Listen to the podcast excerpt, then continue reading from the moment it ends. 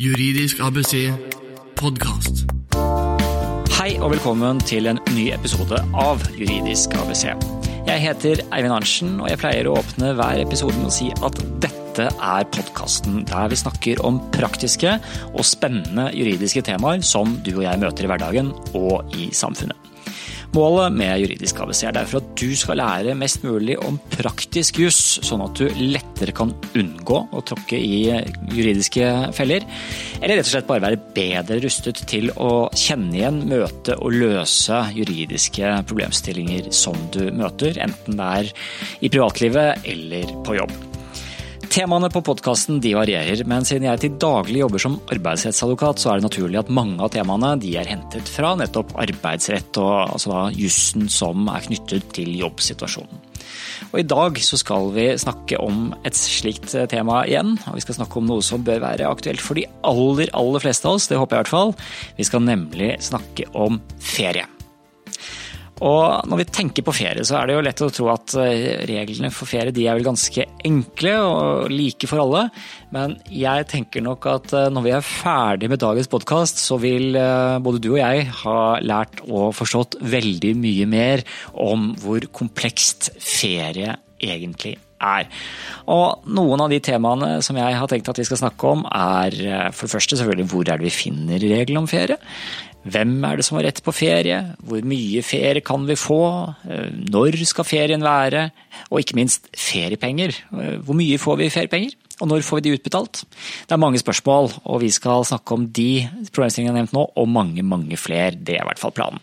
For i dag skal vi prøve å ta et skikkelig dypdykk ned i alt som finnes av, syns jeg i hvert fall, morsomme, i hvert fall praktiske og helt klart viktige problemstillinger som knytter seg til alle rettighetene og pliktene som arbeidsgivere og arbeidstakere har når vi snakker om ferie.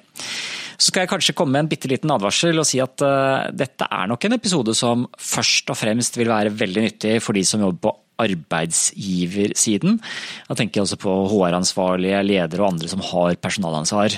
Så er du en vanlig arbeidstaker, som vi kan kalle det, så, og det er vi jo de fleste, så tenker jeg at det vil fortsatt være veldig mye nyttig å hente i dag. Ikke minst om hvilke rettigheter du har. Men uh, vær klar over at det blir nok en ganske lang reise. Vi skal snakke om mange bestemmelser.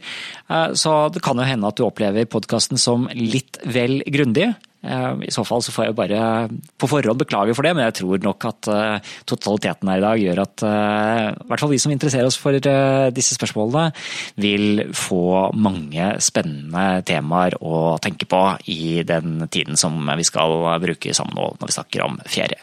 Vel, det var introduksjonen. Jeg har noen ganger fått høre at jeg kan bruke litt lang tid på introduksjonen. Jeg syns det er litt viktig å snakke litt om dagens tema før vi går i gang, men nå skal vi i hvert fall kaste oss uti. Med meg i studio så har jeg som vanlig en ekspert på området, og i dag er det nok uh, igjen nok, nok, en gang slik at uh, vi har med en ekspert som har vært med oss tidligere. Det betyr jo at introduksjonen av dagens gjest blir litt kortere, men jeg skal kort si at advokat Ole André Oftebro er partner i Reder, advokatfirma Reder, og leder deres faggruppe for arbeidsrett. I det daglige bistår han arbeidsgivere i spørsmål knyttet til alle sider ved arbeidsforhold, og er derfor selvfølgelig vel kvalifisert til å hjelpe oss med reglene som angår ferie og feriepenger. Og med det så sier jeg velkommen hit, velkommen tilbake til Juridisk ABC. Det er veldig hyggelig å ha deg med her i dag, Ole André. Tusen takk, hyggelig å være tilbake. Veldig hyggelig å ha deg tilbake, Ole André. Og vi hadde jo en innspilling for en tid tilbake som gikk på et helt annet tema. For du er jo en av Norges fremste eksperter på produktansvar. Men vi var litt inne på det den gangen også, for du har jo et betydelig kompetanse innenfor arbeidsrett i vid forstand, og jobber mye med det i Reder. Du kan kanskje si litt mer om det også, for det er jo mm. det, er det som kanskje er den, den, største delen av din praksis? Det stemmer. Jeg jobber jo primært med, med arbeidsrett, og leder Reders arbeidsrettsgruppe. Så det, det, er absolutt noe jeg både er veldig interessert i, og som jeg jobber betydelig med. Og nå sitter vi her ute. Er det en regntung morgen i Oslo? Men vi vet at snart så er det tid for ferie. Har du lagt noen ferieplaner ennå? Det har jeg. Det blir juli, vet du. Vi er advokater, da er det stille i juli. Rett ferie. Ja. Så det gleder jeg meg til. Vi er jo som mange andre yrker at det er eh, full fart eh, gjennom året, men rettsferien rettsserien kommer, og da stenger mm. domstolen, og da kan også advokatene puste litt ut. Men jussen den gjelder jo i høyeste grad også for ferie. Og vi skal i dag snakke om, skal snakke om ferie, retten til ferie, vi skal snakke om feriepenger. Det er mange temaer der sånn. Hvor finner vi reglene om ferie, Ole André? Dette er jo regulert uh, i ferieloven, uh, som du vet, Eivind. Uh, den er opprinnelig fra 1988, men det er gjort mange endringer, senest i 2014. noen av de endringene skal vi komme tilbake til. Ferieloven har noen hovedformål. Det er noen viktige prinsipper som ligger til grunn. Ja, den skal jo, altså Ferieloven skal jo sikre faktisk arbeidsfri. Eh, det er på en måte det primære formålet. Eh, og i tillegg så skal den da sikre feriepenger. Og det er jo da knyttet til at eh, hvis arbeidstaker faktisk skal ha mulighet til å ta arbeidsfri, så må han jo også ha en økonomisk kompensasjon som gjør det mulig for han å ha ferie. Så ferieloven regulerer både ferierett og plikt, som vi også skal komme tilbake til, mm og feriepenger. Og dette er jo bestemmelser som, eh, som da omfatter alle arbeidstakere. Mm. Og også alle arbeidsgivere.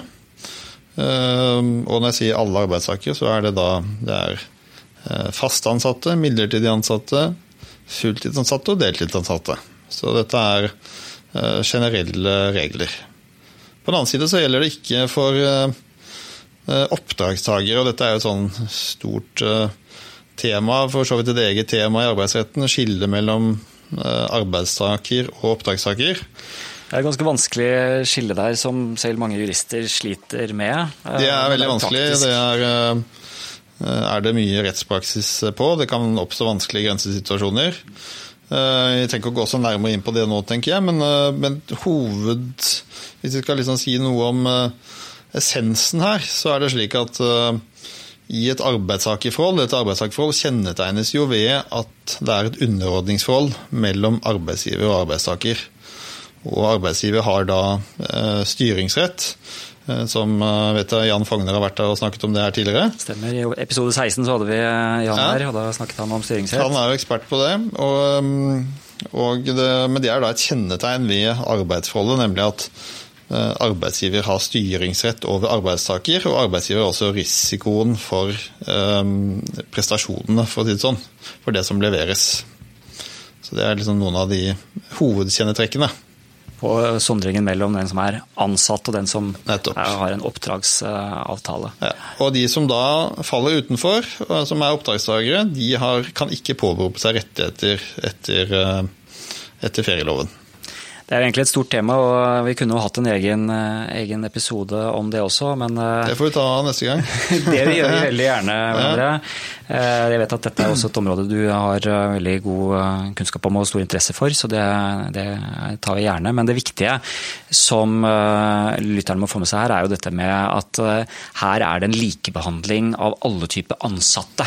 Mm. Så selv vikaren som er inne i noen få uker, mm. eller da den fastansatte, vil ha samme eh, rettigheter i utgangspunktet. Men så er det klart at eh, her er det jo også litt avhengig av hva slags avtale, hva slags virksomhet man er i, mm. og også hvilken alder man har. og, ikke minst, ja, og ikke minst uh, opptjente feriepenger, som vi skal komme tilbake til. Ikke sant.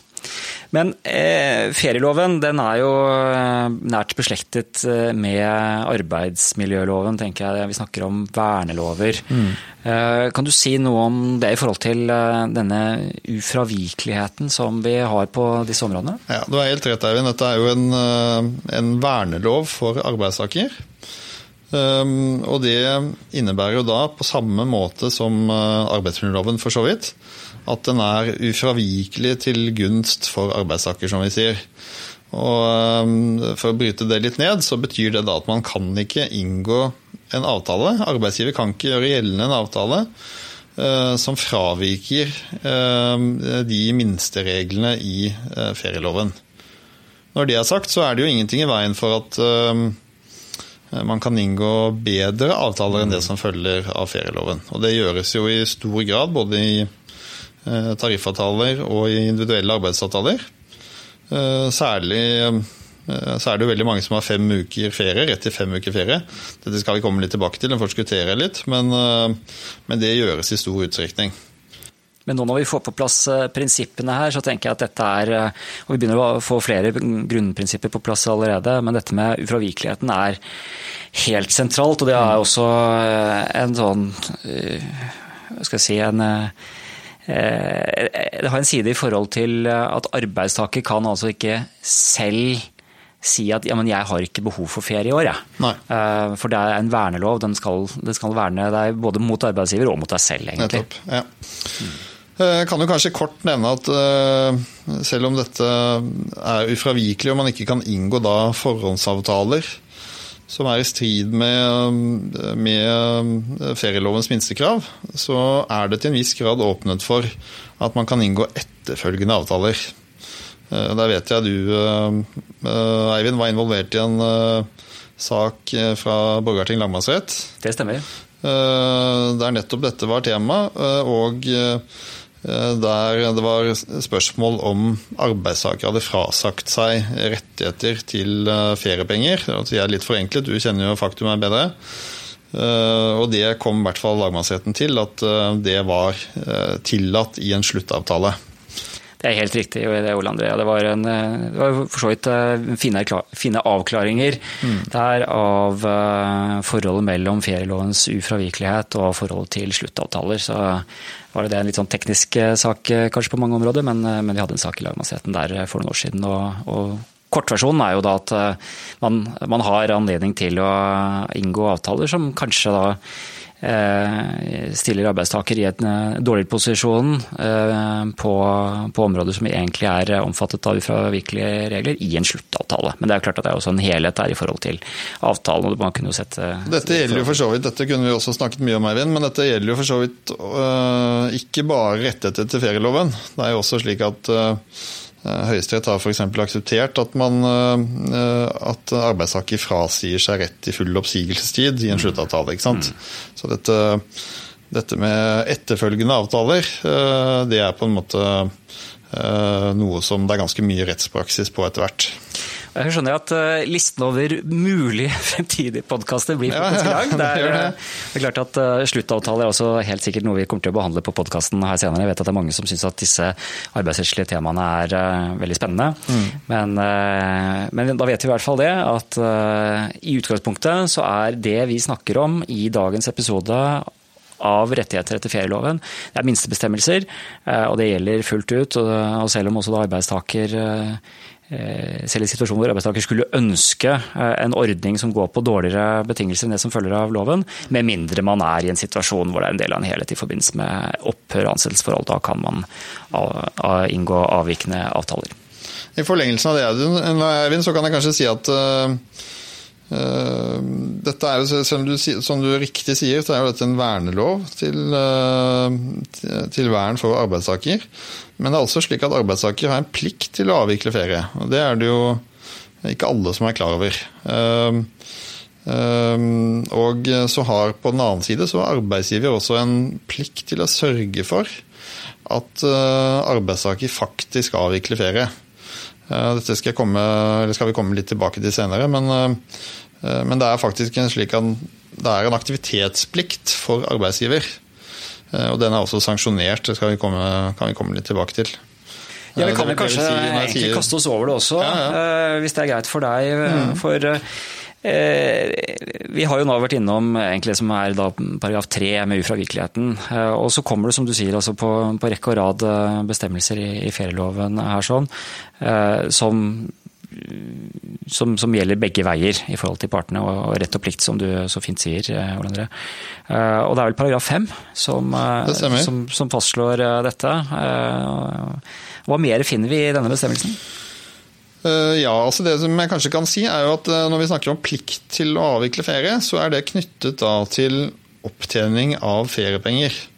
Vi skal si litt mer om hvordan det beregnes og hvordan opptjeningen der skjer.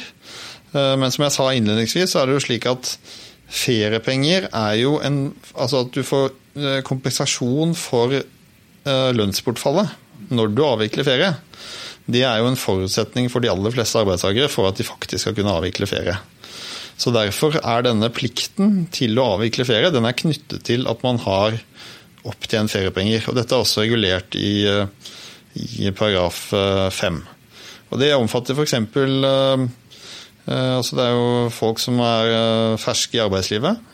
Studenter som begynner sin første jobb. Som ikke har opptjent seg feriepenger. De har da ikke plikt til å ta ut ferie. Samtidig så har de en full rett til å ta ut ferie, forutsatt at de tiltrer før 30.9. i ferieåret. Så for de fleste som er i et løpende ansettelsesforhold og har, har, opptjening fra året før, så har man da rett og plikt til ferieavvikling. Mm. Mens de som er ferske inn i arbeidslivet, der er det en rett, men ikke en plikt, i den grad man ikke har opptjent feriepenger. Mm. Og Dette kunne vi også snakket ganske mye mer om, fordi at her er det også en del problemstillinger som mange ikke er klar over. Det er faktisk slik at uh, hvis man f.eks. har gått betydelig opp i lønn, mm. Uh, og dermed ikke har opptjent feriepenger som fullt ut kompenserer inntektsbortfallet i ferien, så kan arbeidstaker motsette seg å ta ut full ferie. Og kan da kreve redusert ferie i, i tråd med, i, i tråd med differansen mellom fakten ny lønn og feriepenger.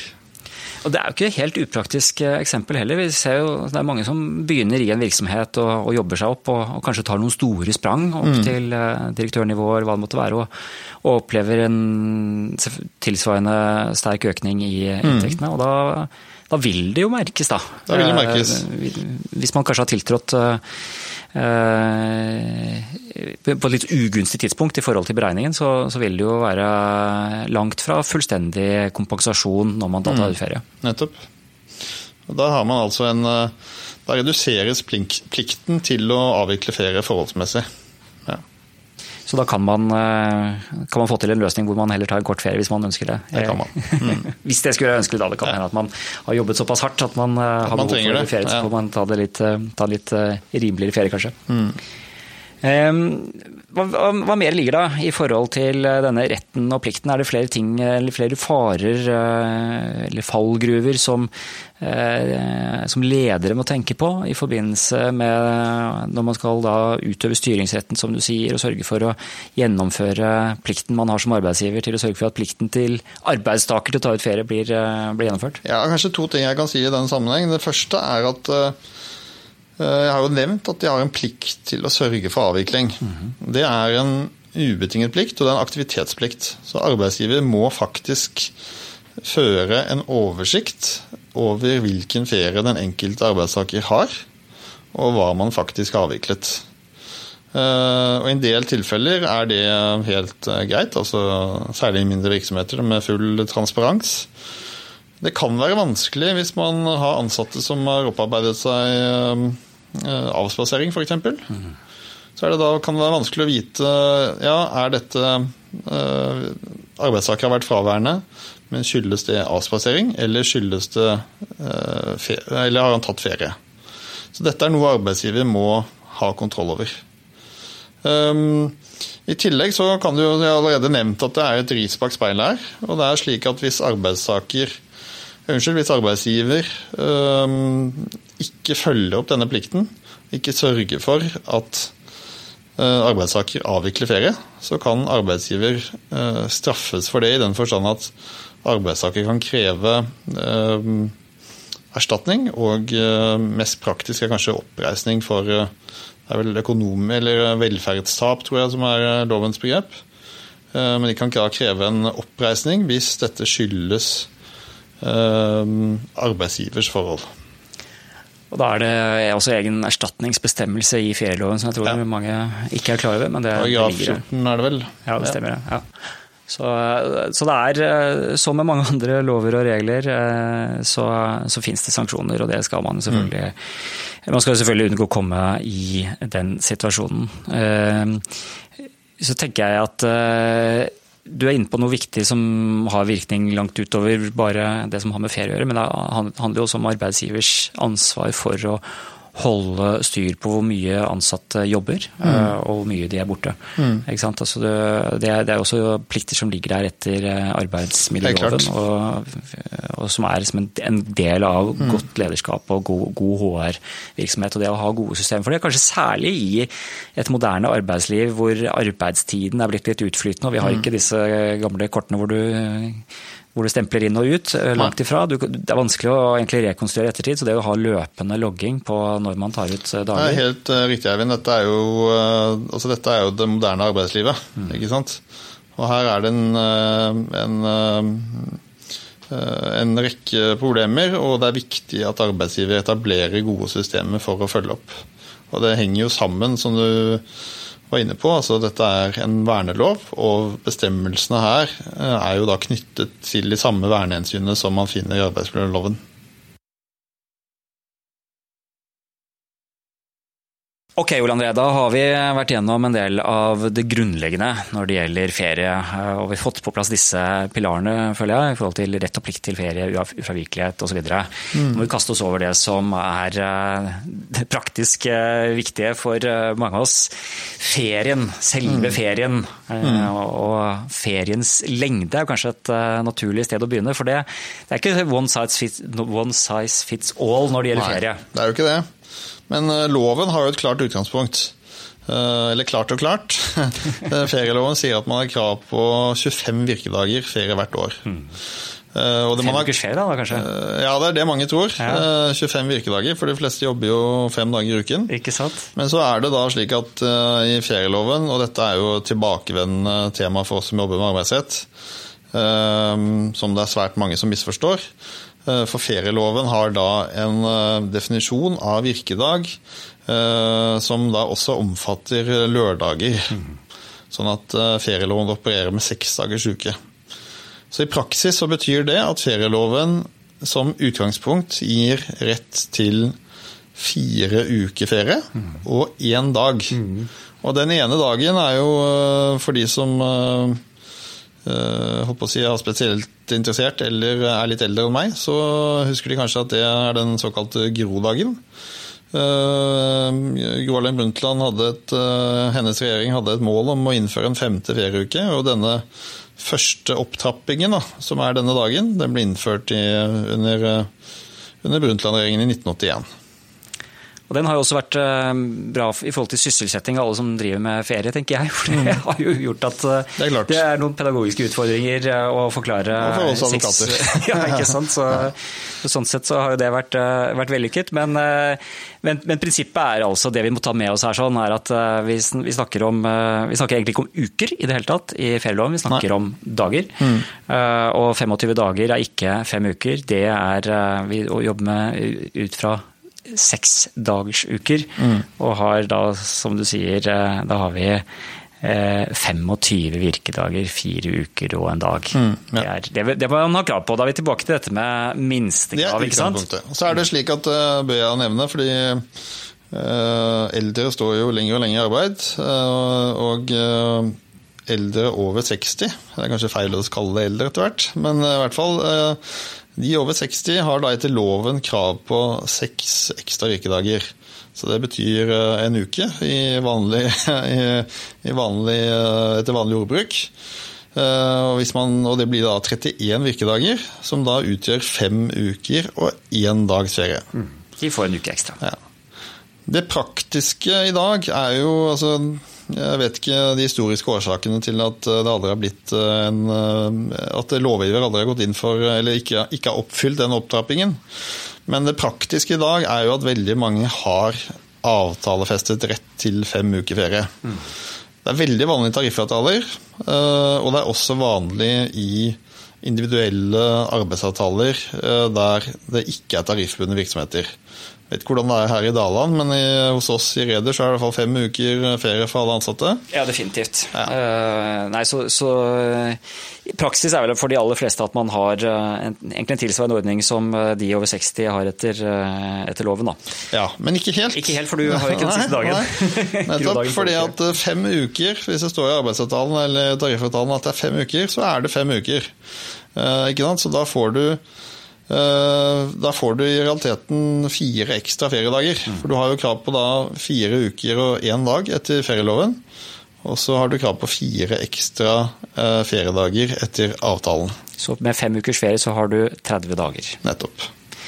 Jeg bare, Dette er litt, jeg teknisk. eh, jeg teknisk, Jeg, men, har litt eh, sånn, eh, ja, det er litt teknisk, men jeg bare må si det at eh, eh, jeg har en liten sånn rettspolitisk tanke når det gjelder dette med de over 60. Jeg syns jo at vi som er småbarnsforeldre, burde jo definitivt også hatt eh, hatt ekstra dager, så når man først begynner å, å legge på å gjøre Det er et forslag jeg vil støtte, Eivind.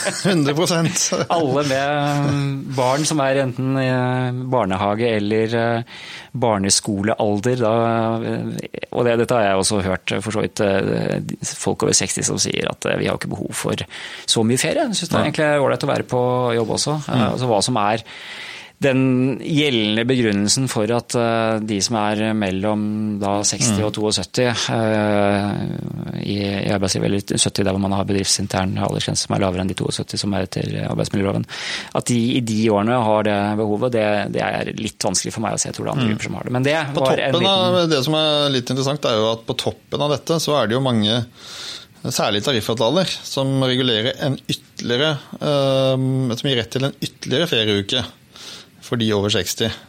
Eh, Så da begynner det virkelig å bli mye ferie. ja, det begynner å bli mange ordninger også. Ja, mange så ordninger. for en leder her sånn, så er det klart at eh, da, da har man mange, mange varianter eh, som, som gjør at det blir et helt annet bilde enn de opprinnelige 25 virkedagene som vi har i ferieloven.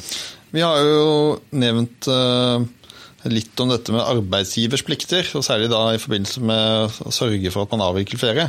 Det som er veldig viktig, og grunnen til at vi skiller litt mellom dette lovbestemt og avtalefestet ferie, det er jo det at arbeidsgivers plikter etter loven, det knytter seg kun til den lovbestemte ferien. Vi skal komme litt tilbake til overføring og sånn av ferie, men det er viktig å eh, være klar over. Eh, Det avtalebaserte er på en måte en bonus for arbeidstaker, som det ikke knytter seg direkte plikter til eh, for arbeidsgiver etter loven. Det betyr vel kanskje også at dette ansvaret, i hvert fall i forhold til oppreisningserstatning, det er vanskelig å se for seg at det skal være aktuelt for ja. dager som er omfattet av det avtalerettslige. Ja, ja. Mm. Det høres ut som en, eh, en god idé. Er det noe mer vi bør si da i forhold til eh, enten lovfestet eller avtalefestet eh, ferie? Vi har fått, eh, om ikke en, en klar tabell i hodet, så har vi fått på plass mange prinsipper her i forhold ja, er- til eh, klassiske misforståelser. Vi har det, og jeg tenker at dette er egentlig et sånn uutømmelig tema, fordi at det er så mange reguleringer, som du sier. Uh, Og mange har både tariffavtaler og andre arbeidsavtaler, eller individuelle arbeidsavtaler, regulert særordninger og tilleggsferier. Så, um, men det store bildet her, altså det som er viktig, er da å skille mellom den avtalefestede og lovbestemte, og vite hva som ligger i lovens minimumskrav, og det har vi jo nå slått fast. Og dette, selv om hvis dette er litt vanskelig, så får man da spole litt tilbake og høre det en gang til. Ja. Høres ut som en eh, veldig god idé. Så Da vet vi noe om lengden på ferien. Men eh, så er det noe med tidspunktet for ferie, og det kan jo kanskje være kime til en del frustrasjoner eller, eller krangler. Det er jo vel sånn at eh, det er ikke alle bransjer som har det så enkelt som vi har det. Olander, hvor vi kan si at ja, men, eh, fra 1. juli så er det rettsferie, og da drar advokaten stort sett på ferie. Nei, det er jo ikke det. Jeg- Mitt inntrykk er jo I norsk arbeidsliv så er det jo generelt en god dialog mellom arbeidsgiver og arbeidstaker. Heldigvis. Eh, Ikke uten unntak, selvfølgelig, for det er jo derfor vi har noe å gjøre. Men eh, som hovedregel så er det jo det. Um, Men det er slik at hvis man ikke blir enige om når arbeidstaker skal ta ferie, så følger det da av eh, styringsretten at arbeidsgiver kan fastsette ferien. Men så er det noen, eh, absolutt noen menner her, da. Det ene er jo at eh, det er en drøftingsplikt i loven. Man skal, arbeidsgiver plikter å drøfte eh, med arbeidstaker når, eller tidspunktet for ferie, og sette opp en ferieliste. Um, og dette henger Det har en side til det alminnelige saklighetskravet som gjelder arbeidsforhold. For det er slik at uh, Styringsretten begrenset jo av saklighetskravet. ikke sant? Man kan ikke, Selv om arbeidsgiver har styringsrett, så kan man ikke uh, styre vilt og etter eget forgodtbefinnende. Det skal være et saklig grunnlag for den styringsretten som utøves. Så man kan ikke legge, selv om du ikke liker en arbeidstaker, så kan du ikke legge ferien uh, hans på et helt håpløst tidspunkt. Um, så det er en begrensning. En annen begrensning som følger av loven, som, uh, som, kanskje er den praktisk viktigste, det er dette med hovedferie og hovedferieperiode. Uh, der er det jo slik at i, norske, i norske ferieloven så er det definert at en hovedferieperiode er fra 1.6 til 30.9. Det er liksom et eh, langt sommerhalvår, for å si det sånn. Litt forlenget sommerhalvår i eh, Norge. Og dette kalles hovedferieperioden. Og Hva er betydningen av denne hovedferieperioden? Det betyr, eh, hovedbetydningen av dette er da at arbeidstaker kan kreve å få eh, tre uker ferie, eller 18 virkedager, i denne perioden. Så det, er, det begrenser jo styringsretten, ikke sant? for her kan arbeidsgiver si at ja, jeg ønsker at du legger eh, all ferie til oktober. Eh, og da kan arbeidstaker si at nei, dette motsetter jeg meg. Jeg har krav på tre uker i hovedferieperioden. Så det er en begrensning i styringsretten. De, de, tre ukene, er det noe som kan splittes opp? Altså en i juni, en i juli og en i august f.eks.? Jeg tror det er lagt til grunnen grunn her at dette kan uh, At, man, at arbeidstaker kan kreve å avvikle det samlet. Mm. Det følger ikke av loven, men slik jeg har forstått juridisk litteratur, så legges det til grunn. Jeg vet ikke om du har noe jeg tenker jo at det er klart at det, Her kan man jo selvfølgelig problematisere ting. Mm. Eh, det skal vel svært sterke grunner til fra arbeidsgivers side til å, å, splitte opp. Da er det vel kanskje et sånt scenario hvor du som du indikerte med en arbeidsgiver som eh, er mer vrang av, fordi man ønsker å være vrang. Mm. Eh, men, det er jo en side til saklighetskravet, ikke sant. Ikke sant? Men det, følger, det, det, er ikke regulert i loven. Så man kan vel tenke seg at hvis, er, hvis arbeidsgiver har et saklig grunnlag til å splitte ferien, Eh, kanskje det er en liten virksomhet man er helt avhengig av tilstedeværelse da og da. Det var helt, ja. helt eh, marginale tilfeller, ja. tenker jeg. Så hovedregelen vil vel kanskje være å si at sommerferien, som man gjerne kaller det, mm. enkelt og greit, ja. i hovedferieperioden fra 1.6 til 30.9, mm. Eh, den kan da være på, på, tre uker, eller 18 virkedager, som vi har lært mm. nå, mm. og legges i den perioden. Eh, og så var du litt inne på dette med drøfting her, eh, Ole André. Og drøfting er jo eh, et sånt, igjen, en generelt prinsipp og mantra innenfor arbeidsretten. Det å drøfte med enten arbeidstakers representanter sånn på kollektivt plan, har vi mange regler om. Og selvfølgelig også individuelle drøftelser i mange relasjoner, så er det viktig. Og Det skal man også gjøre her, men man kan vel ikke ta den drøftelsen i, i slutten av mai, vil jeg tenke, og så pålegge Nei, ferie fra 1.6? Dette skal uh, gjøres i god tid uh, før uh, ferien. det er også slik at arbeidstaker faktisk kan kreve en underretning, som det er lovens begrep, da, men altså kan kreve en avklaring på når ferien skal legges, senest to måneder før hovedferieperioden. Mm. Så når denne podkasten kommer på lufta, da er det for sent å begynne planleggingen for, å ja, sånn, for denne sesongen. Men jeg vil jo si at uh, hvis arbeidsgiver sitter nå og har glemt å drøfte, så gjør for all del det. Ja, ja. det må være en, en klar oppfordring der. Eh, så det er jo eh, utgangspunktet i forhold til eh, et idealløp. Da, at man kanskje begynner i februar-mars eller sånt, og, og har drøftelser og, og, får fastlagt ferien. Men noen ganger så endrer jo forutsetningene seg litt. Ja, altså Det kan jo skje uh, ting i virksomheten som gjør at man må endre, uh, særlig mindre virksomheter, det skjer ting som gjør at man er avhengig av arbeidskraften eh, på de eh, oppsatte ferietidspunktene. Ikke sant? Og Da er det en veldig snever adgang i ferieloven til å endre fastsatt ferie. Mm. Ensidig fra arbeidsgiver. Så Dette er altså utslag av styringsretten. Mm. Og Det er der det oppstår helt uforutsette hendelser som vil skape vesentlige driftsproblemer. Det er lovens begrep. I tillegg så er det et krav om at man ikke, at arbeidsgiver ikke kan skaffe en stedfortreder, altså en, en vikar, få inn noen andre som kan gjøre den jobben.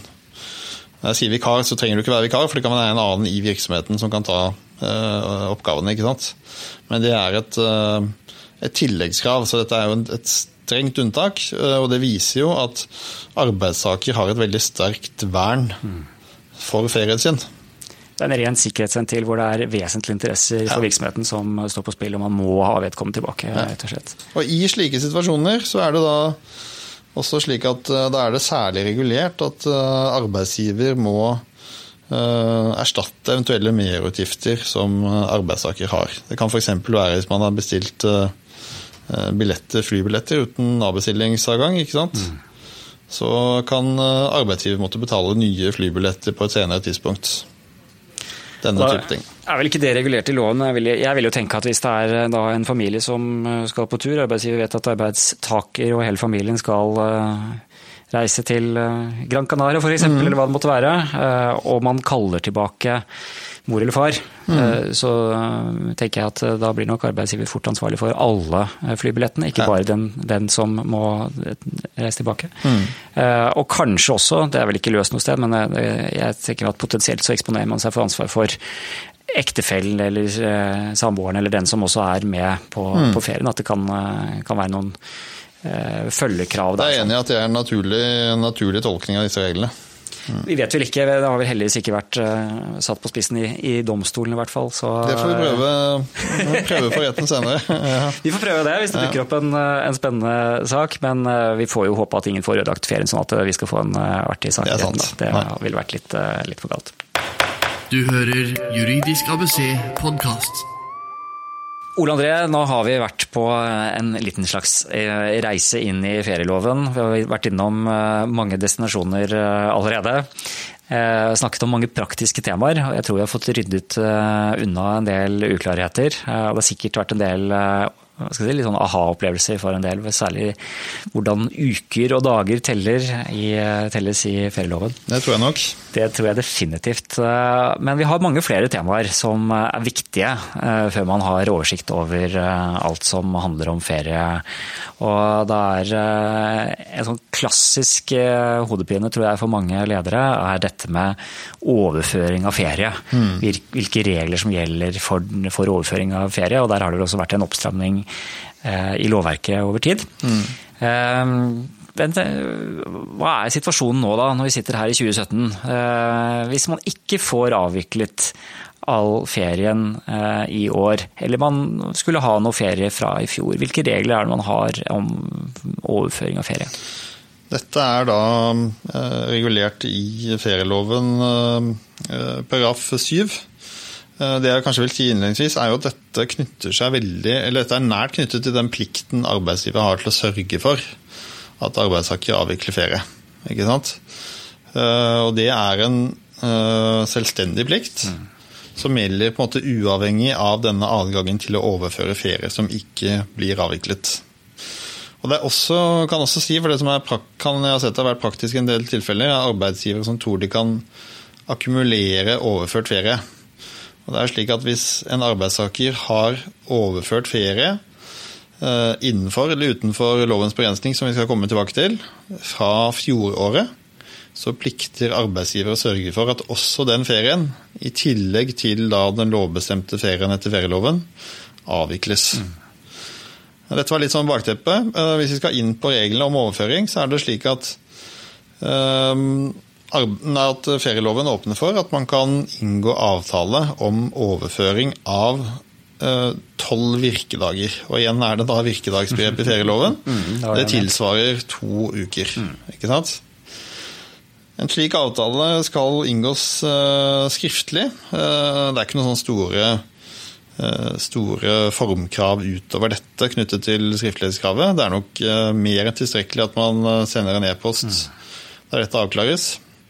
Um, så det, dette et, det skriftlighetskravet er nok ikke så, så, strengt. Men det skal avtales, og det skal sikres notoritet, som vi kaller det, ikke sant, over den avtalen som er inngått. Viktig at man kan fastslå, fastslå etter ja. nøyaktig hva som ble avtalt, og når det ble avtalt. Nettopp. Mm.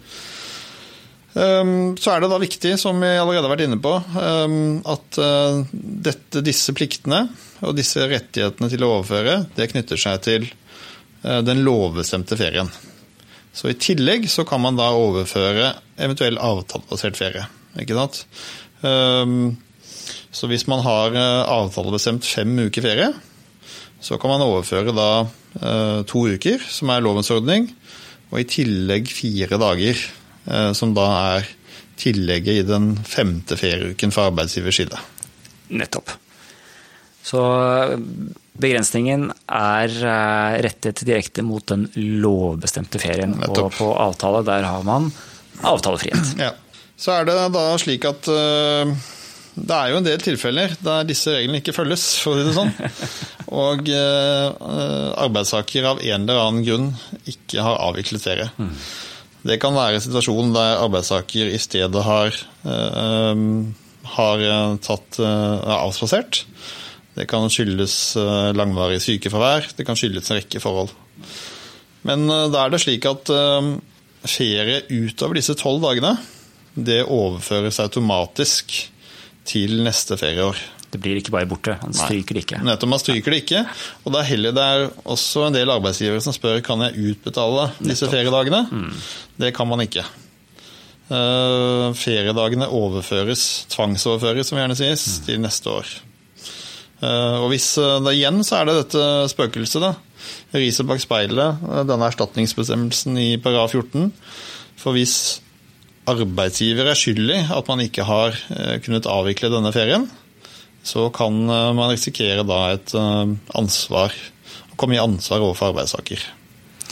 Og I mange tilfeller så er vel det realiteten, vil jeg tenke. At arbeidsgiver har si, sett litt uh, mellom fingrene på en arbeidstaker som har vært, ivrig og ikke har villet ta ut ferie. og så Plutselig så hadde året gått. Mm. Kanskje ble det litt sykefravær mot slutten også, men man kunne jo ha planlagt på en helt annen måte. Mm. Det er klart at det er jo ingenting som er bedre enn en arbeidstaker som står på. Eh, det er klart. Men, det er positivt, det. Men, men uh, dette skyldes nok, uh, i hvert fall i de fleste tilfeller som jeg har vært borti, så skyldes det mer, uh, i større grad mangelfulle systemer for å følge med enn vond vilje fra arbeidsgiver. Så det er Derfor det er viktig å fremheve denne aktivitetsplikten fra arbeidsgiver. Arbeidsgiver må aktivt sørge for å, å holde oversikt over ferien som arbeidstaker avvikler. Ordning og reda og, og kontroll på Nettopp. arbeidstid og ferietid. Veldig bra. Så er det et, eh, et, tema som eh, jeg vet at mange eh, er litt opptatt av, som, som, mange har spørsmål knyttet til, og som det har vært en del uklarheter knyttet til også. Det er dette med sykdom og mm. ferie. Mm. Og Der vet jeg også det var lovendringer for en tid tilbake. Norge mm. hadde ikke regler som var helt i samsvar med hva vi er forpliktet til etter, etter EU-retten, blant annet. Så kan du si litt om problemstillingen og hvordan vi har fått regulert dette forhåpentligvis på en god måte nå? Først får jeg kanskje si at vi, nå går vi jo inn i ferie, uh, ferietiden, og vi får jo håpe at folk holder seg friske. Men i de situasjonene der arbeidstaker blir syk, så skiller da reglene mellom situasjonen der arbeidstaker blir syk i forkant av ferien, og sykdommen da selvfølgelig vedvarer ut i ferien, og der, og der sykdommen oppstår under ferien. Hvis vi tar det første tilfellet først, så er det slik at um, arbeidstaker kan da kreve å få utsatt ferien sin. Altså arbeidstaker blir syk. Det kreves, eh, det er veldig viktig å nevne, det kreves at arbeidstaker er 100% arbeidsufør. Ehm, hvis man er 50% sykemeldt, så har liksom lovgiver tenkt at ja, da er det forenlig med uh, rekreasjon og hvile og det å ta ferie. Så det kreves eh, at man er 100% arbeidsufør. Hvis man blir det før ferien tar til, så plikter arbeidstaker å levere sykemelding, uh, legeerklæring, senest dagen før ferien. For å ha rett til utsatt ferie. Og I så fall så blir jo da eh, den eh, ferietiden som tilsvarer eh, sykeperioden, det blir da ikke ferie, men det blir sykefravær. ikke sant? Og arbeidstaker har rett på å utsette ferien til senere på året. veldig enkelt. Og har du da tre ukers ferie som er planlagt, som vi var inne på i sted, eller 18 virkedager, mm. så, og, så må du da sørge for at legeattesten den må foreligge senest dagen før. og Hvis det da f.eks. er 14 dagers sykemelding, mm. så, så, dekker ikke det hele ferien. Da dekker det de 14 dagene, og det blir utsatt. Og da ja. har du eh, to uker til gode. Eh, eller tolv virkedager skulle det bli. Ja. Så Det er den ene situasjonen. Den andre situasjonen er jo at man blir syk under ferien. Ehm, det som er felles for disse reglene, er at også her kreves at man er 100% arbeidsufør. Eh, altså Hvis man er, blir eh, småsyk, 50 eh, sykemeldt under ferien, så gir det ikke rett til ny, ny eller utsatt ferie. Og her var det jo, Du var jo inne på innledningsvis Eivind, at vi hadde jo vært, eller norsk lovgivning var litt i strid med med EUs arbeidstidsdirektiv eh, på dette punktet. For tidligere så var det slik at man måtte være syk i eh, Altså måtte være 100% arbeidsufør i seks virkedager, altså en uke, for at man skulle ha rett til eh, utsatt ferie. Nå er reglene derimot slik, nå er de da brakt i samsvar med arbeidstidsdirektivet. Og nå er da reglene slik at man har krav på utsatt ferie dersom man er syk én dag eller mer. Men det må være da eh, fullstendig, eh, altså 100 arbeidsuførhet. Um, jeg vil jo bare stikke inn litt der sånn. En ting som eh, jeg tror det er mange som ikke vet, og det er jo når det gjelder den norske arbeidsmiljøloven og også ferieloven, altså disse vernelovene som vi snakker mye om her på podkasten, så tenker at det er norske regler. Vi tenker mm. at dette er noe som har blitt til uh, Vi har Grodagen, som vi har vært inne på som eksempel her i dag også, at det har vært eh, til gjennom uh, en lang utvikling i Norge. Og Det er selvfølgelig langt på vei riktig, men de største endringene som vi har innenfor norsk arbeidsrett, er jo de, de som har kommet som følge av EU-forpliktelser, som vi har fått som følge av EØS-avtalen de siste 20-30 årene. Det er helt riktig, Eivind. og vi enten vi liker det eller ikke, så må vi forholde oss til, eh, til, reglene som vi der er forpliktet til. Og det har blitt en rekke endringer på mange punkter. Ikke sant, så... Det som kanskje kan si avslutningsvis om dette, er at uh, dette gjelder disse reglene og kravet på utsatt ferie, det gjelder kun egen sykdom. Altså kun egen arbeidsuførhet hos arbeidstaker. Eh, veldig praktisk er jo eh, Det er vel mange som har opplevd å få syke barn i ferien. Mhm. Det kan også hende at, eh, at ektefelle eller reisefølge blir syk, og at det totalt spolerer ferien.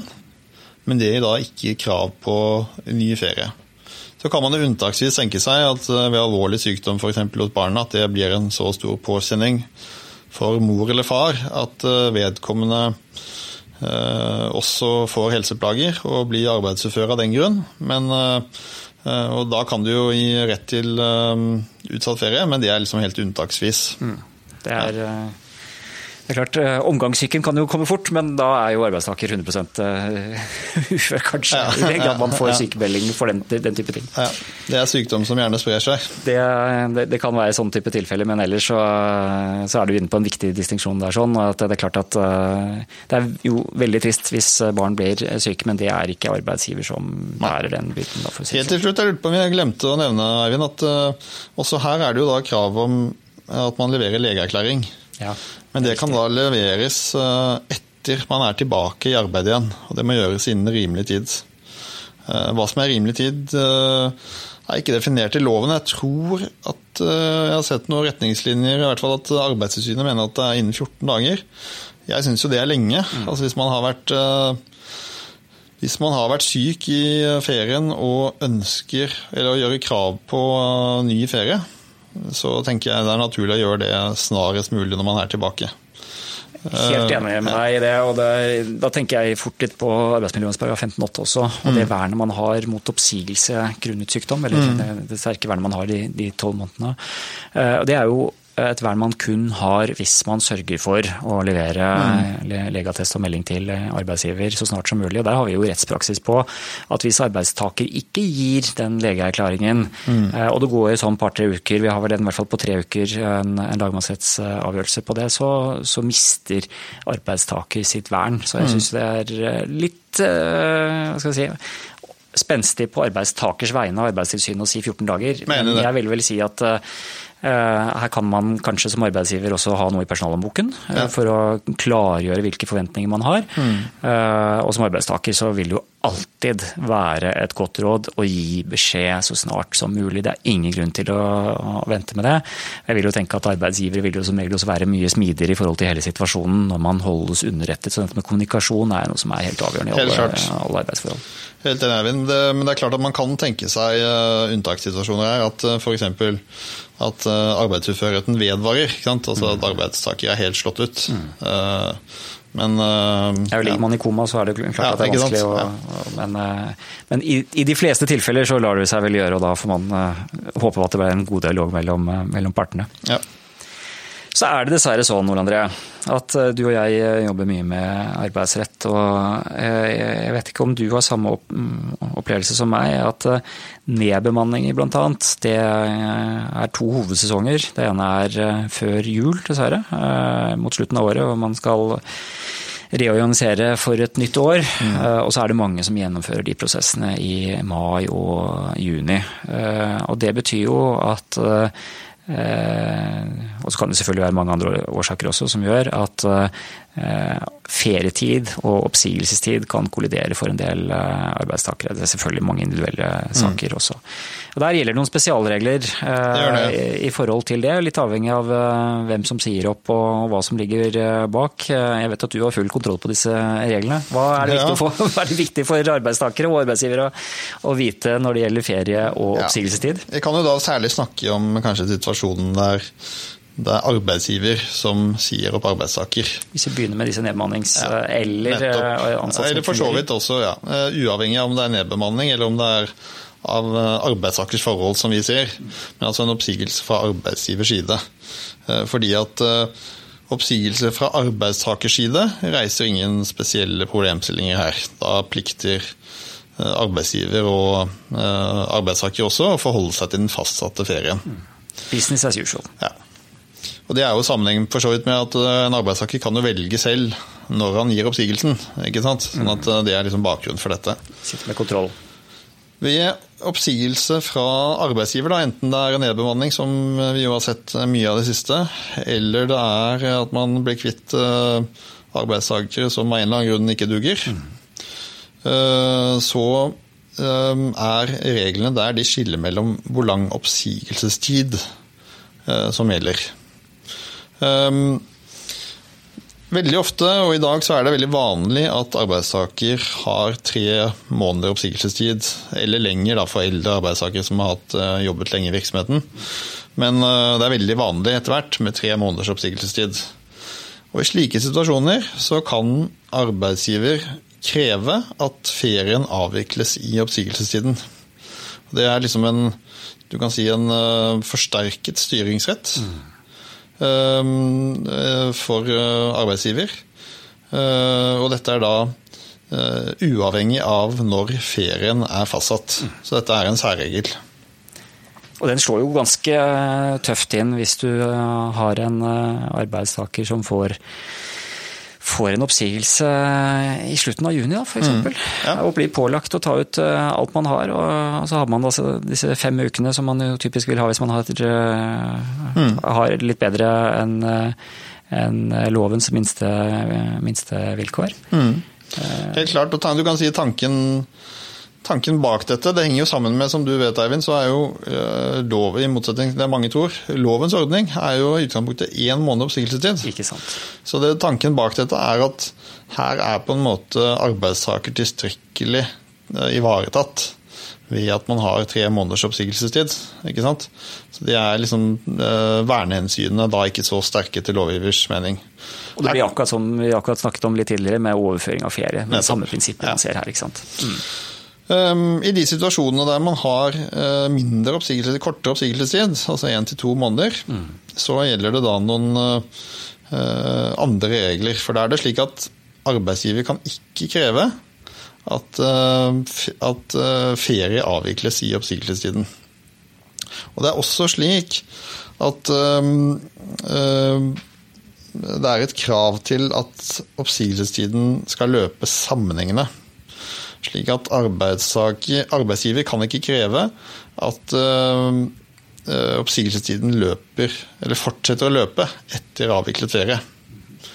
I praksis så betyr det at eh, ferien gjerne, eller oppsigelsestiden gjerne må utsettes, og først kan begynne å løpe etter ferieavvikling. Der er det en høyesterettsdom fra 1997 som du også er kjent med, Eivind. Uh, der det var Ullevarefabrikken, ja. Ja, Ullevarefabrikken. Uh, og der var det da to Eh, ansatte som fikk oppsigelse i mai. Og den, eh, som vi vet, så begynner den da å løpe fra 1.6. Eh, de hadde to måneders oppsigelsestid. Og så var det fastsatt ferie til mellom 26.07 og 14.8. Oppsigelsestiden løper jo da ut ultimo juli, ikke sant? Så det krasjer. Ja. Hva mente Høyesterett? At her her var Høyesterett enig med arbeidstakerne at her måtte oppsigelsestiden først begynne å løpe etter ferien var avviklet. Eh, slik at den begynte da å løpe eh, med virkning fra 1.9. og utløp i slutten av oktober. Så her ligger det en bombe for arbeidsgivere som ikke har eh, full kontroll på dette i forbindelse med at oppsigelsen gis. Ja, så her er det faktisk Som regel så er det jo en fordel for arbeidsgiver i, ved oppsigelse fra arbeidsgivers side så er det jo en fordel med kort oppsigelsestid, men her er det faktisk da slik at eh, det blir en ulempe for arbeidsgiver. Definitivt. Ja. Man tenker to måneders oppsigelsestid, og så Eh, I, I, dommen fra Høyesterett altså, så var det en oppsigelse i mai, og man ender opp med at eh, pga. ferieavviklingen så løper først opp, oppsigelsesfristen ut, mm. ut oktober. Så vi er på 1. november innen det, det hele var over. Man kan jo tenke seg at eh, denne ullvarefabrikken hadde vært litt tidligere ute mm. hvis, med, hvis, de var kjent med disse reglene. Mye skulle vel tilsi at, at det ville være tilfellet. og ja. I det, det, tilfellet så fikk man jo også da øh, følge saken i tre tre instanser. Så det er klart at eh, det kan bli eh, store kostnader og mye bryderi av å bomme litt på kalenderen og reglene. Ja, her. Sånn. Det er, eh, det dette er sånne åpenbare fallgruver når man kjenner reglene, men viser viktigheten av å ha full kontroll. Og dette, det vi snakker om her er jo selvfølgelig disse oppsigelses situasjoner hvor det er viktig å, å, som arbeidsgiver gjøre hjemmeleksene, rett og slett. Og, og kjenne alle konsekvenser før man, uh, før man iverksetter. Helt klart. Dette, dette, er jo også en av grunnene Eivind, til at det kan være fornuftig for en arbeidsgiver i hvert fall eh, å forhøre seg med en advokat, en arbeidsrettsadvokat før man uh, iverksetter oppsigelse.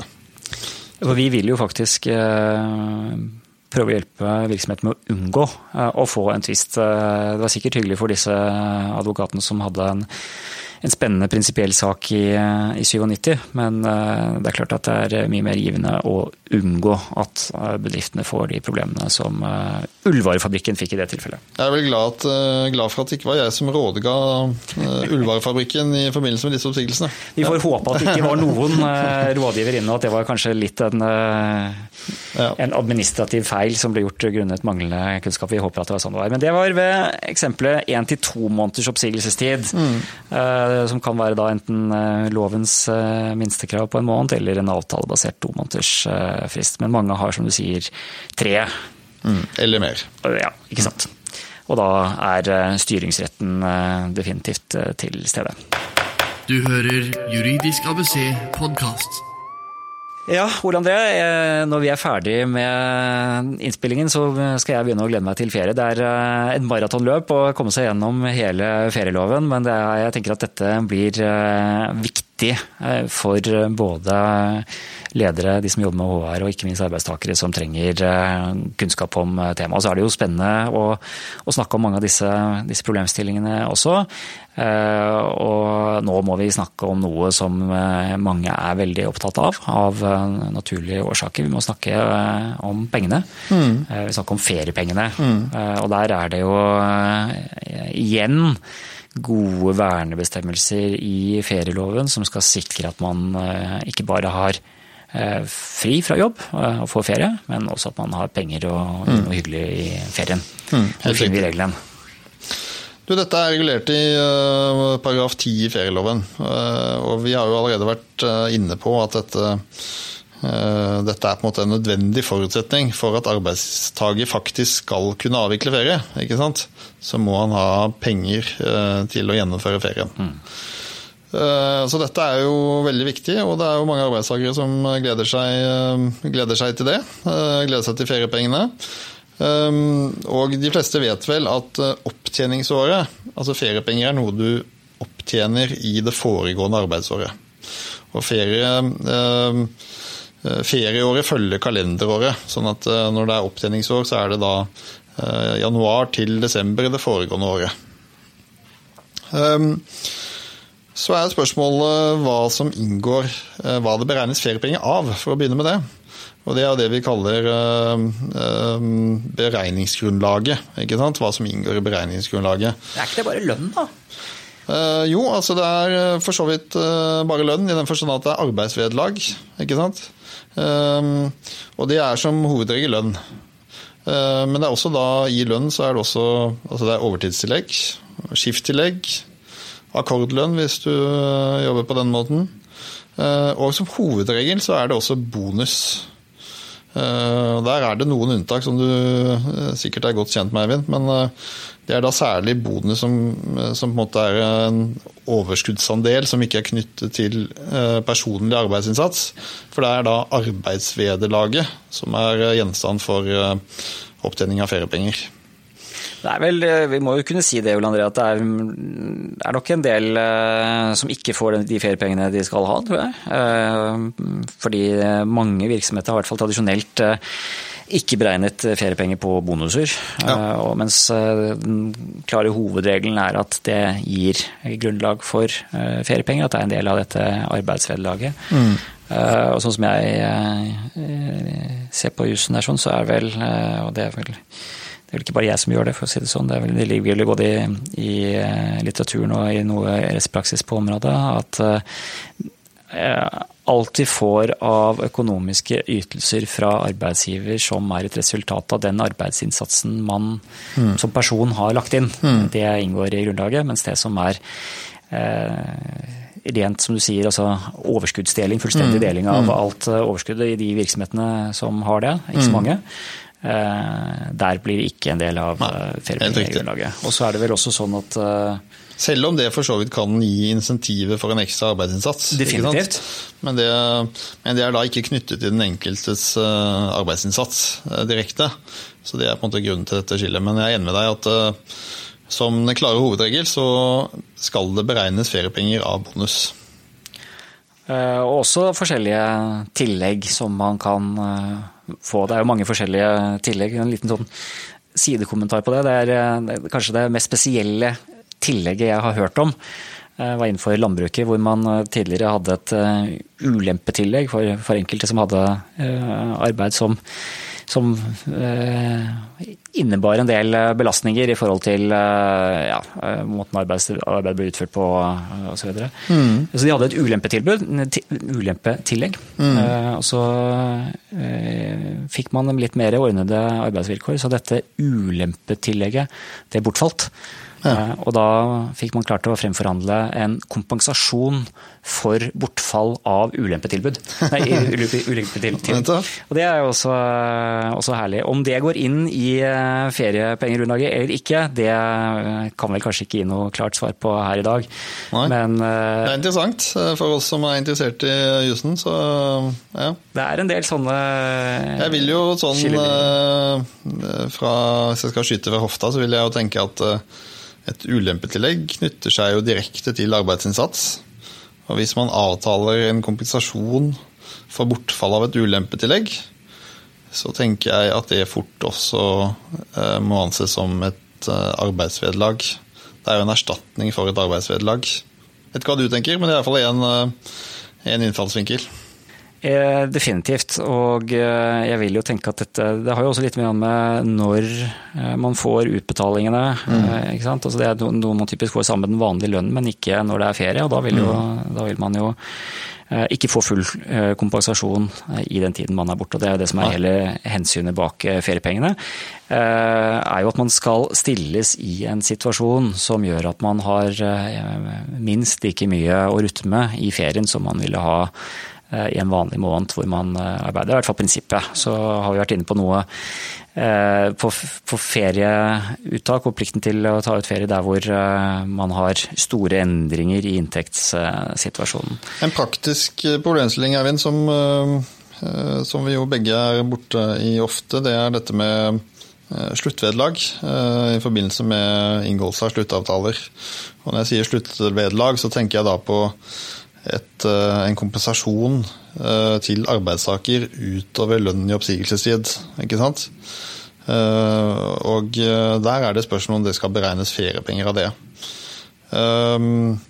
Jeg går ut fra at vi kanskje tenker det samme om det, at dette er i utgangspunktet ikke arbeidsvederlag. Men her har man jo avtalefrihet, så det er ikke noe i veien for å avtale at også sluttvederlaget skal, skal være gjenstand for feriepengeberegning. Definitivt, eh, Ole André. Og der er det jo noen ytterpunkter. Eh, I mange tilfeller eh, der det inngås en sluttavtale, så vil det også inngås en avtale om fritak for arbeidsplikt i mm. oppsigelsestiden. Nå har du en med, med veldig lang oppsigelsestid. Mange, mange, ledere har jo seks måneder.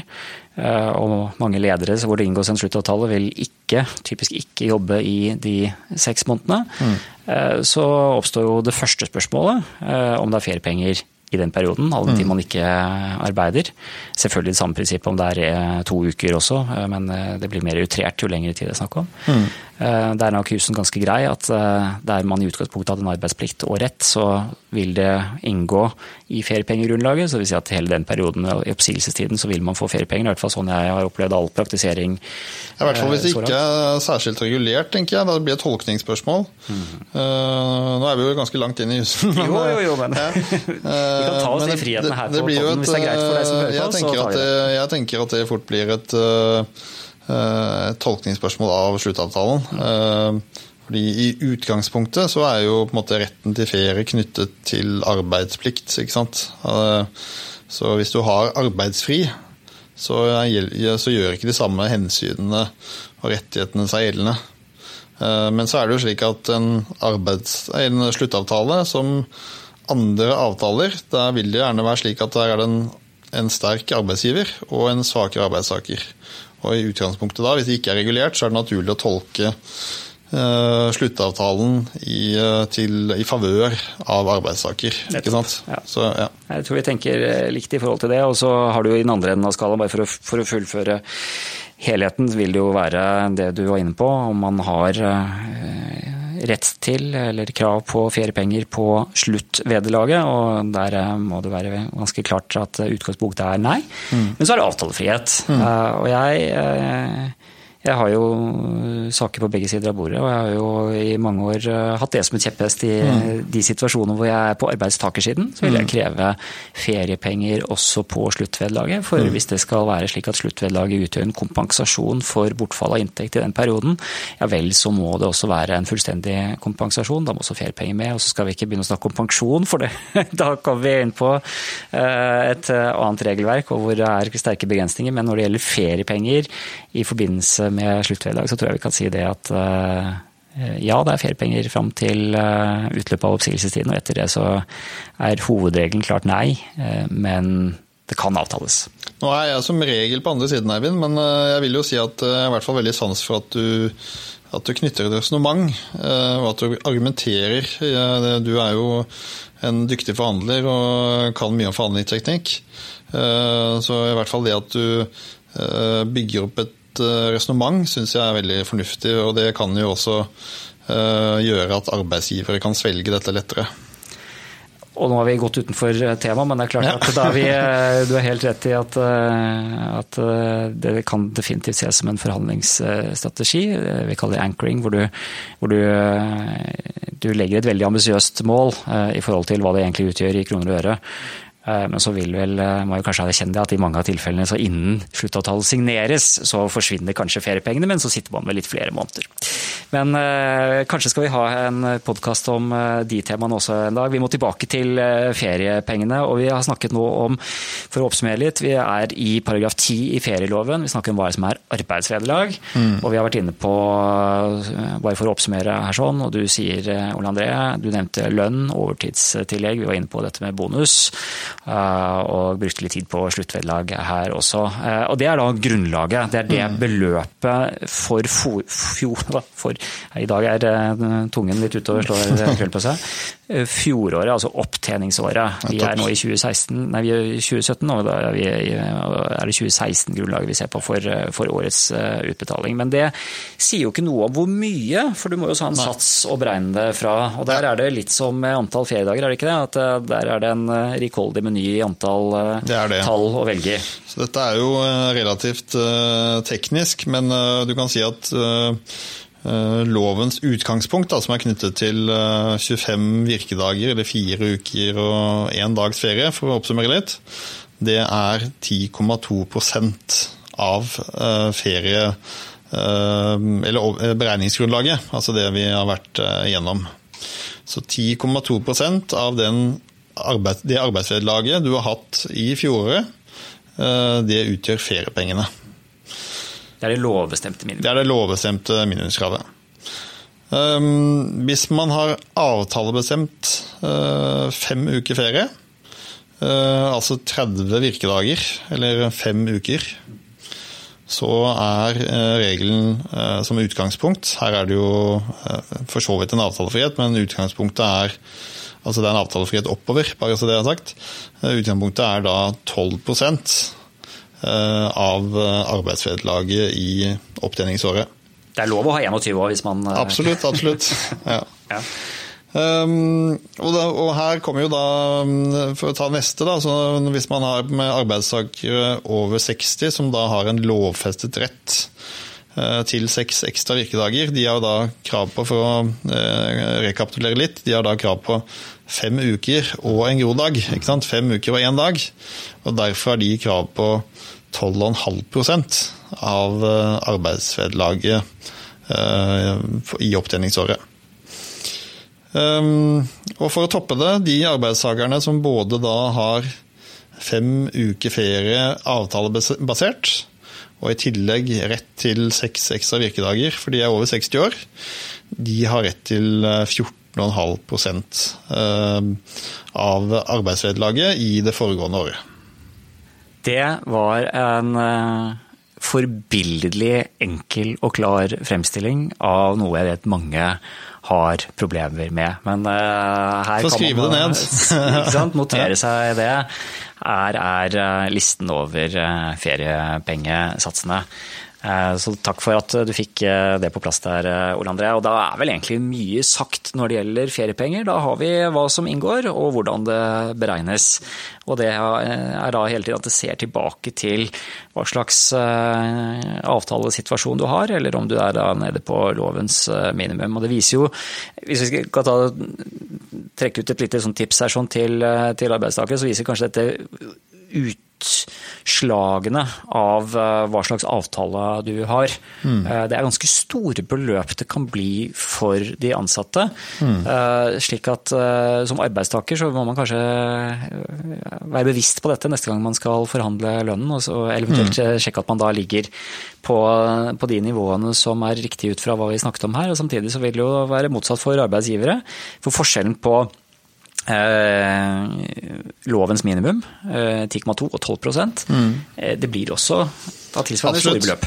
Så dette er jo en av grunnene til at uh, man bør gjøre seg litt i flid med arbeidsavtaler, og ikke bare ta det den første man finner på Google. Uh, for her dette kan gi store økonomiske utslag for både arbeidsgiver og arbeidstaker. Og for arbeidsgiver så er det klart at det er jo arbeidsgiveravgift på toppen også, så ja, det, er, det er kostnader her sånn. Men når vi snakker om feriepenger, så er jo ikke Én ting er jo hva man får, det andre er jo når man får det. Mm. og eventuelt også om det trekker skatt. Vi kan kanskje begynne med skatt. Um, ja, for mange tror at det er uh, skattefrie utbetalinger, eller sånn, er det ikke det? Jo, det Halv skatt i desember, og så er det skattefrie feriepenger. Mange som gleder seg over det, da, at nå at i juni måned, det er jo da veldig mange får utbetalt ferie, så slipper de skatt, for det fremgår ikke skatt forskuddstrekk av lønnsslippen. Og det er for så vidt sant at det ikke trekkes forskuddsskatt på den utbetalingen. Men det er likevel ikke skattefri inntekt, for dette her er det da slik at feriepengene inngår i skattegrunnlaget for inntektsåret, altså utbetalingsåret. Sånn at eh, du skatter for utbetalingen, men den fordeles eh, på skattebelastningen i de øvrige månedene. Ehm, her er det et, eh, og dette gjelder da når man får utbetalt opptjente ferier, opptjente feriepenger i ferieåret. Som er da lovens ordning. Og så er det noen situasjoner der man får utbetalt ferie i opptjeningsåret. Det er da kanskje i hovedsak i forbindelse med avvikling av arbeidsforhold. Mm. Da vil det trekkes forskuddsskatt. Um, det er kun i de tilfellene hvor man avvikler også at det er uh, Det er vel det. Kanskje også eventuell uh, forskudd på ferie. Ja, man kan kanskje se for seg det. Men ja.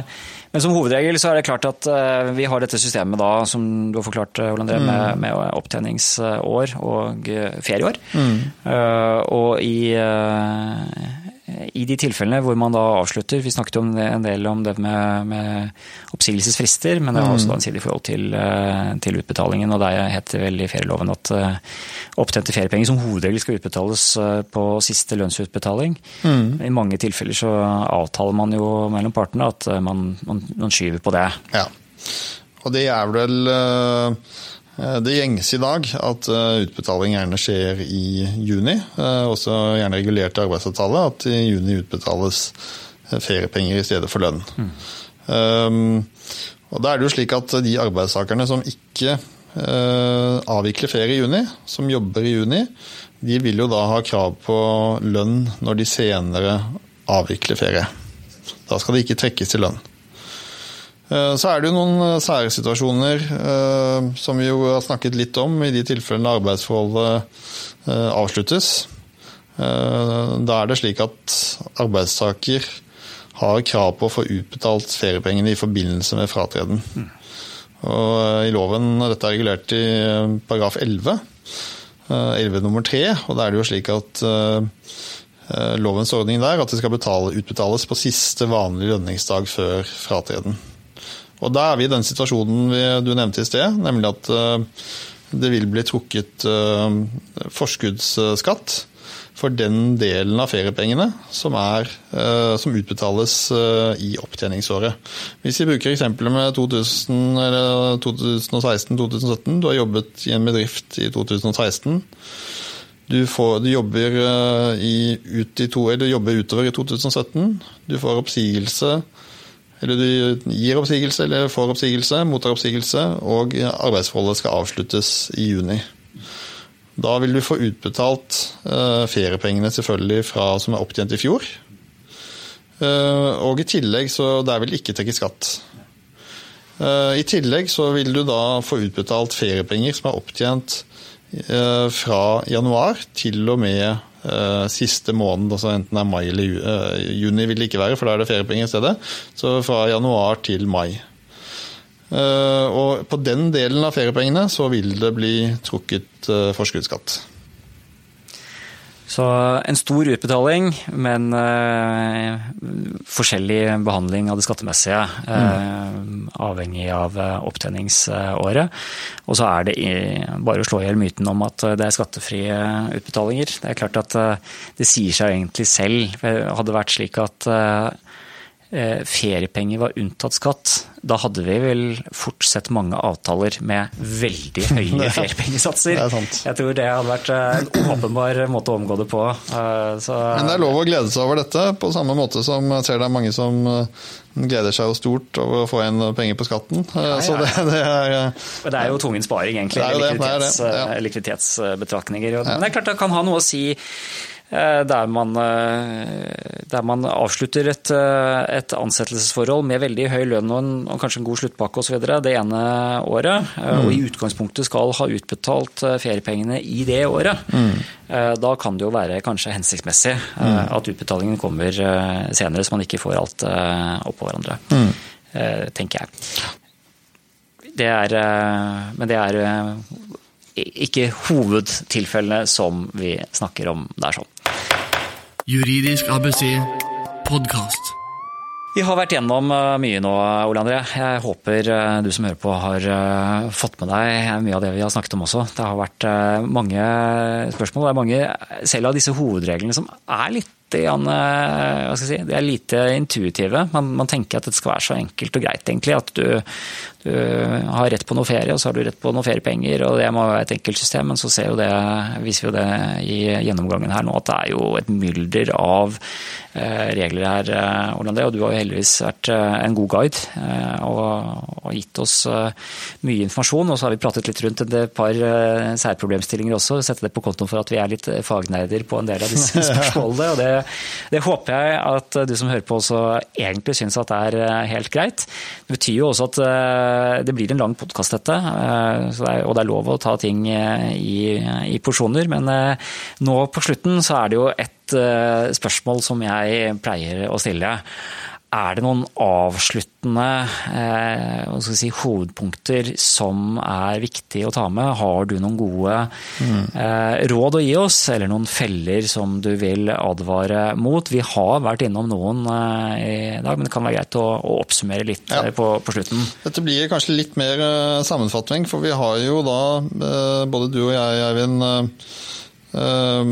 presisert dette tidligere, men det som er alfa og omega for arbeidsgivere, det er å lage et system der man holder oversikt og holder kontroll over eh, hvilken ferie eh, den enkelte arbeidstaker har, og hva som er avviklet. Veldig viktig. Og Særlig er det viktig, eh, dette er jo borti mange ganger, særlig er det viktig der man har arbeidstakere som også opp, eh, opparbeider seg avspaseringsdager. Mm. Fordi at da er det vanskelig å holde styr for arbeidsgiver. Hvis man ikke har et ordentlig system, så er det veldig vanskelig å holde styr på hvilke dager er avspasering og hvilke er ferie. Og Da vil man veldig lett komme i en situasjon der man ved slutten av året sitter igjen med mer ferie enn, har, enn det er lovlig adgang til å overføre. Konsekvensen av det har vi jo vært så vidt inne på, altså denne erstatningsbestemmelsen. Eh, I tillegg så er det jo eh, en økonomisk risiko i dette ved at eh, hvis arbeidstaker slutter i stillingen, så har man krav på å få utbetalt de feriedagene man ikke har avviklet. Slik at her er det på en måte en økonomisk eh, risiko for arbeidsgiver, i tillegg til denne oppreisnings- eh, og erstatningsbestemmelsen i paragraf 14 som jeg har vært inne på. Så det er egentlig det, det aller viktigste for arbeidsgivere. Og så er det da også Vi har jo vært litt inne på dette med etterfølgende avtale. Og at ferieloven er utgangspunktet ufravikelig til gunst for arbeidstaker, men at rettspraksis her åpner for at man kan inngå en etterfølgende avtale, som da til en viss grad fraviker bestemmelsen i ferieloven. Og jeg vil jo da eh, absolutt i hvert fall anbefale arbeidsgivere eh, om å sørge for å regulere eh, alle forhold, og også da ikke-avviklet ferie i en sluttavtale. Så Det er egentlig det beste rådet jeg kan gi. Det er jo veldig arbeidsvennlig, arbeidsgivervennlig råd, Eivind. Jeg vet ikke om du har noe, noen eh, råd å tilføre på, fra andre siden? Er det noe spesielt du Nei, jeg, jeg prøver jo å, å, å, vekte dette litt. Jeg, jeg, har jo, Det er helt riktig som du sier, Ole. Jeg har jo opp gjennom årene hatt veldig mange arbeidstakere. Nå I dag så har jeg stort sett bare arbeidsgivere, bortsett fra noen, noen ledere som jeg bistår. Men Men jeg, jeg, tenker at alle disse reglene som vi snakker om, de har definitivt to sider. Og når vi kommer med disse gode rådene til arbeidsgivere, så er det jo av en grunn. For dette er noe vi ser i praksis at mange mm. arbeidsgivere sliter med. Og arbeidstakere må også følge med i timen der, sånn, for det er ikke sånn at arbeidsgiver alltid sitter med en fasit. Eh, det er ikke sikkert eh, arbeidsgiver har fått registrert alt, verken av, eh, av, opptjening eller av uttak. Så det viktigste rådet er vel for begge parter her sånn, er jo å, å, å, sørge for å kjenne disse reglene. Jeg tror vi har gjort en god innsats i dag for å veilede på området. Eh, og ha orden i sysakene. Sørge for å ivareta sine egne interesser. Sørge for eh, dokumentasjon mm. løpende. Det er noe som alltid er gode råd eh, mm. her, tenker jeg. Og så tror jeg at sånn avslutningsvis For å gjøre et langt sprang egentlig fra det vi har snakket om, for nå har vi forhåpentligvis fått gitt en god Eh, innføring i dette temaet. Eh, så håper jeg at dette, at man dels selvfølgelig har skjønt at har man problemstillinger sånn, så er Ole André Oftebro i Reder rette mannen å, å, kontakte. Det sier seg jo selv. Og han lar seg vel lett google også, ikke sant Ole André? Jo da, det er Men, bare å gå inn på hjemmesiden eller sende meg en e-post. Ikke sant, og da er det eh, Reder advokatfirma som Eller advokatfirma Reder, er det mm. kanskje den korrekte betegnelsen eh, der sånn. Men jeg syns jo da, eh, helt på slutten, Ole André, at vi må kunne tillate oss å prate litt om i et litt sånn større perspektiv. Alle ledere, arbeidsgivere og HR-ansvarlige som hører på, om den morsomme muligheten som eh, vi legger opp til eh, nå etter sommeren, når vi kommer mm. tilbake fra ferien. Mm. For det er flott å ha ferie, men vi skal jo ha Det er fortsatt et langt arbeidsår igjen i 2017. Ferien tar slutt en gang òg. Mm. Den gjør det. Da, da, blir det et skift tilbake til å komme seg tilbake igjen på, på jobben. Har du noen gode planer etter sommeren? Ja, jeg har jo for så vidt uh, gode planer, og jeg tenker det er kanskje bare særlig én av planene som du er interessert i å høre om. Det er uh, Jeg har vært uh, heldig å bli invitert til å delta på denne Skift-konferansen, arbeidsrettsdagen, 21.9. Det er helt riktig, Ole André. Vi har samlet et veldig spennende team, tenker jeg, som som skal eh, være med på, eh, på Skift-konferansen. Kan du si mm. litt om eh, hva du skal prate om på Skift? Jeg skal snakke om håndtering av vanskelige arbeidssakere. Uh, og det høres jo veldig generelt ut. Jeg skal prøve Det som er morsomt med dette, denne Skift-konferansen, er jo at det er ledende eksperter fra forskjellige advokatfirmaer. Det er ikke så ofte det er ikke så ofte at eh, det er slike arrangementer. Jeg har ikke vært borti så mange der man liksom har samlet veldig gode folk fra veldig anerkjente firmaer mm. som skal snakke om sine spesialområder. Og når jeg skal snakke om eh, håndtering av vanskelige arbeidssaker, så kommer jeg til å gå litt i dybden på hva slags arbeidstakere det er. Hva vi snakker om og eh, hvordan man må legge opp eh, strategien ut fra hva slags, eh, hva slags type vanskelige arbeidssaker det er, for å si det litt komplisert. Det kan være arbeidssaker som har store skadevirkninger for arbeidsmiljøet, altså det jeg gjerne kaller giftige arbeidssaker. Det kan være arbeidssaker det stadig er konflikt med, og det kan selvfølgelig være de som presterer dårlig eller er vanskelig å ha med å gjøre av andre grunner. Så dette blir et supplement til mange av de andre gode innleggene som eh, Det kom jo mange fremragende advokater der fra andre firmaer. Eh, så det, dette gleder jeg meg veldig til. Ja, det, det, stemmer det, Ole Andrea. Det var jo eh, helt åpenbart at å invitere med deg på skift var helt, helt, helt naturlig. Eh, og jeg tror vi har eh, noe ganske unikt eh, på gang i september. Det er 21. september. Vi helt kort om programmet. For dere som har hørt helt ut i podkasten, så tenker jeg at dette er noe dere definitivt også må få med dere. Vi har altså én dag fullpakket med temaer som på ingen måte er tilfeldig valgt. Jeg begynte med å sende ut en en spørreundersøkelse, rett og slett. Så vi hadde en undersøkelse som vi sendte ut til mange tusen mottakere, og stilte spørsmålet hva er det du vil vite mer om som leder eller HR-ansvarlig. Og hadde mange temaer å velge i, og fikk da en veldig, veldig klart bilde tilbake. Mm. Og Ut fra det så la vi planen for en dag som har en rød tråd. og Det handler om å håndtere disse vanskelige situasjonene, hvor da de vanskelige arbeidstakerne som du skal snakke om, selvfølgelig er en del av det. Vi begynner med å legge fundamentet. Først er det Jan Fogner som har eh, keynote, som det heter eh, på godt norsk. Eh, altså en, en, et åpningsinnlegg, en god time hvor han har en redegjørelse for arbeidsgivers styringsrett, og ikke minst hvor arbeidsgivers styringsrett står i dag, i 2017. Mm.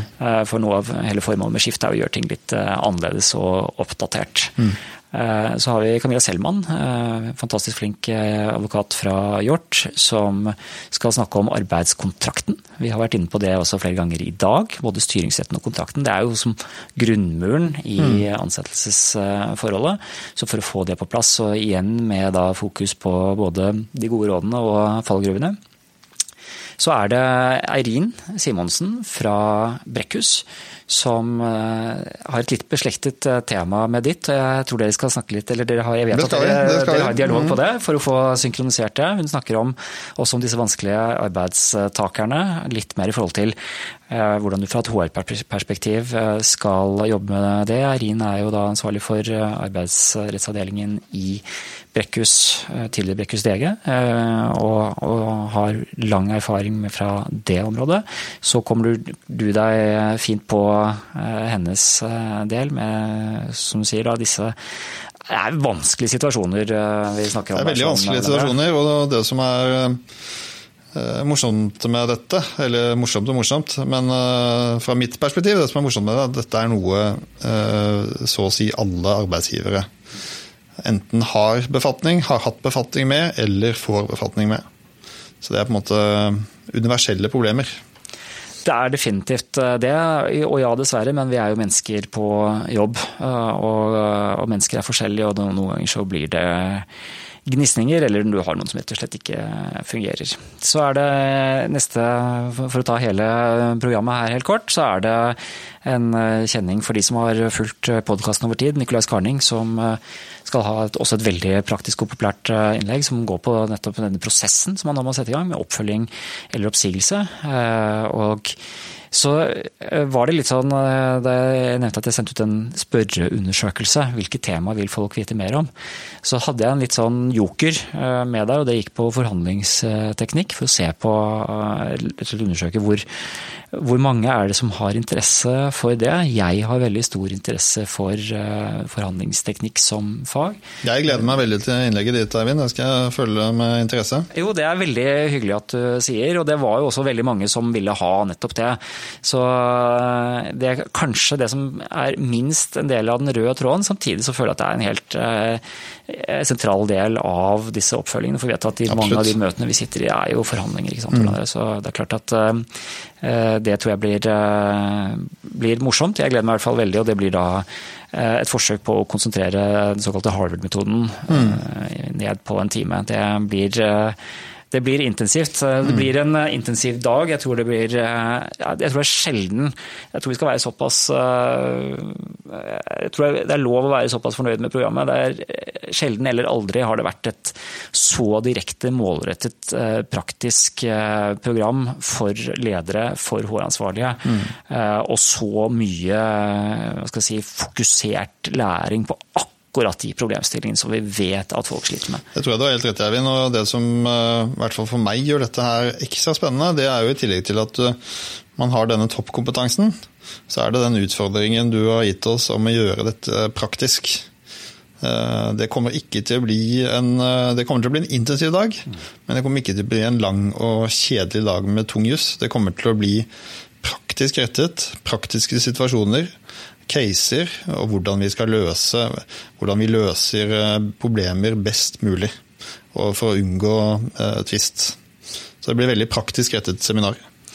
Det gjør det, og når vi spiller inn dette nå, så er vi i månedsskiftet mai-juni. Og eh, vi har altså allerede fra april begynt eh, å forberede oss på det som kommer i september. Så hvis du ikke har fått meldt deg på allerede, så gå på skiftkonferansen.no Eh, vi har også en Facebook-side hvor vi har begynt å legge ut litt eh, informasjon. Eh, og sørg for at du, at du melder deg på hvis du er i målgruppen. Og målgruppen er veldig klart definert her sånn. Dette er for ledere og HR-ansvarlige, de som forvalter arbeidsgiverfunksjonen. Mm. Så det var vel eh, dagens reklame. Må vi også få lov til å ta med når vi har denne podkasten. Jeg håper Absolutt. Eh, at dette var mer en heter en infomercial. Det er vel eh, det er ikke sånn at dette er et, først og fremst et veldig stort kommersielt prosjekt. Dette handler om at vi har en, et ønske om å lage denne samlingsplassen. Det er også et viktig poeng, tenker jeg. fordi det er nettopp det at her er det eksperter fra ulike firmaer. Dette er ikke et reklamestunt fra, fra et firma. Her er det flere ledende eksperter som har gått inn for å gi de beste praktiske tipsene de kan til HR-personalet eh, der ute. Og helt til slutt så kan vi kanskje si noe om hvor dette finner sted, for det er jo da på eh, Hotell Continental. Selvfølgelig. Så eh, det er topp topp klasse på foredragsholderne, men det blir jo langt utover den vanlige konferansesenteret. Dette her, her blir det god bevertning gjennom hele dagen, og det er også et begrenset antall Eh, billetter til. Vi har et litt sånn morsomt eh, konsept eh, på kvelden.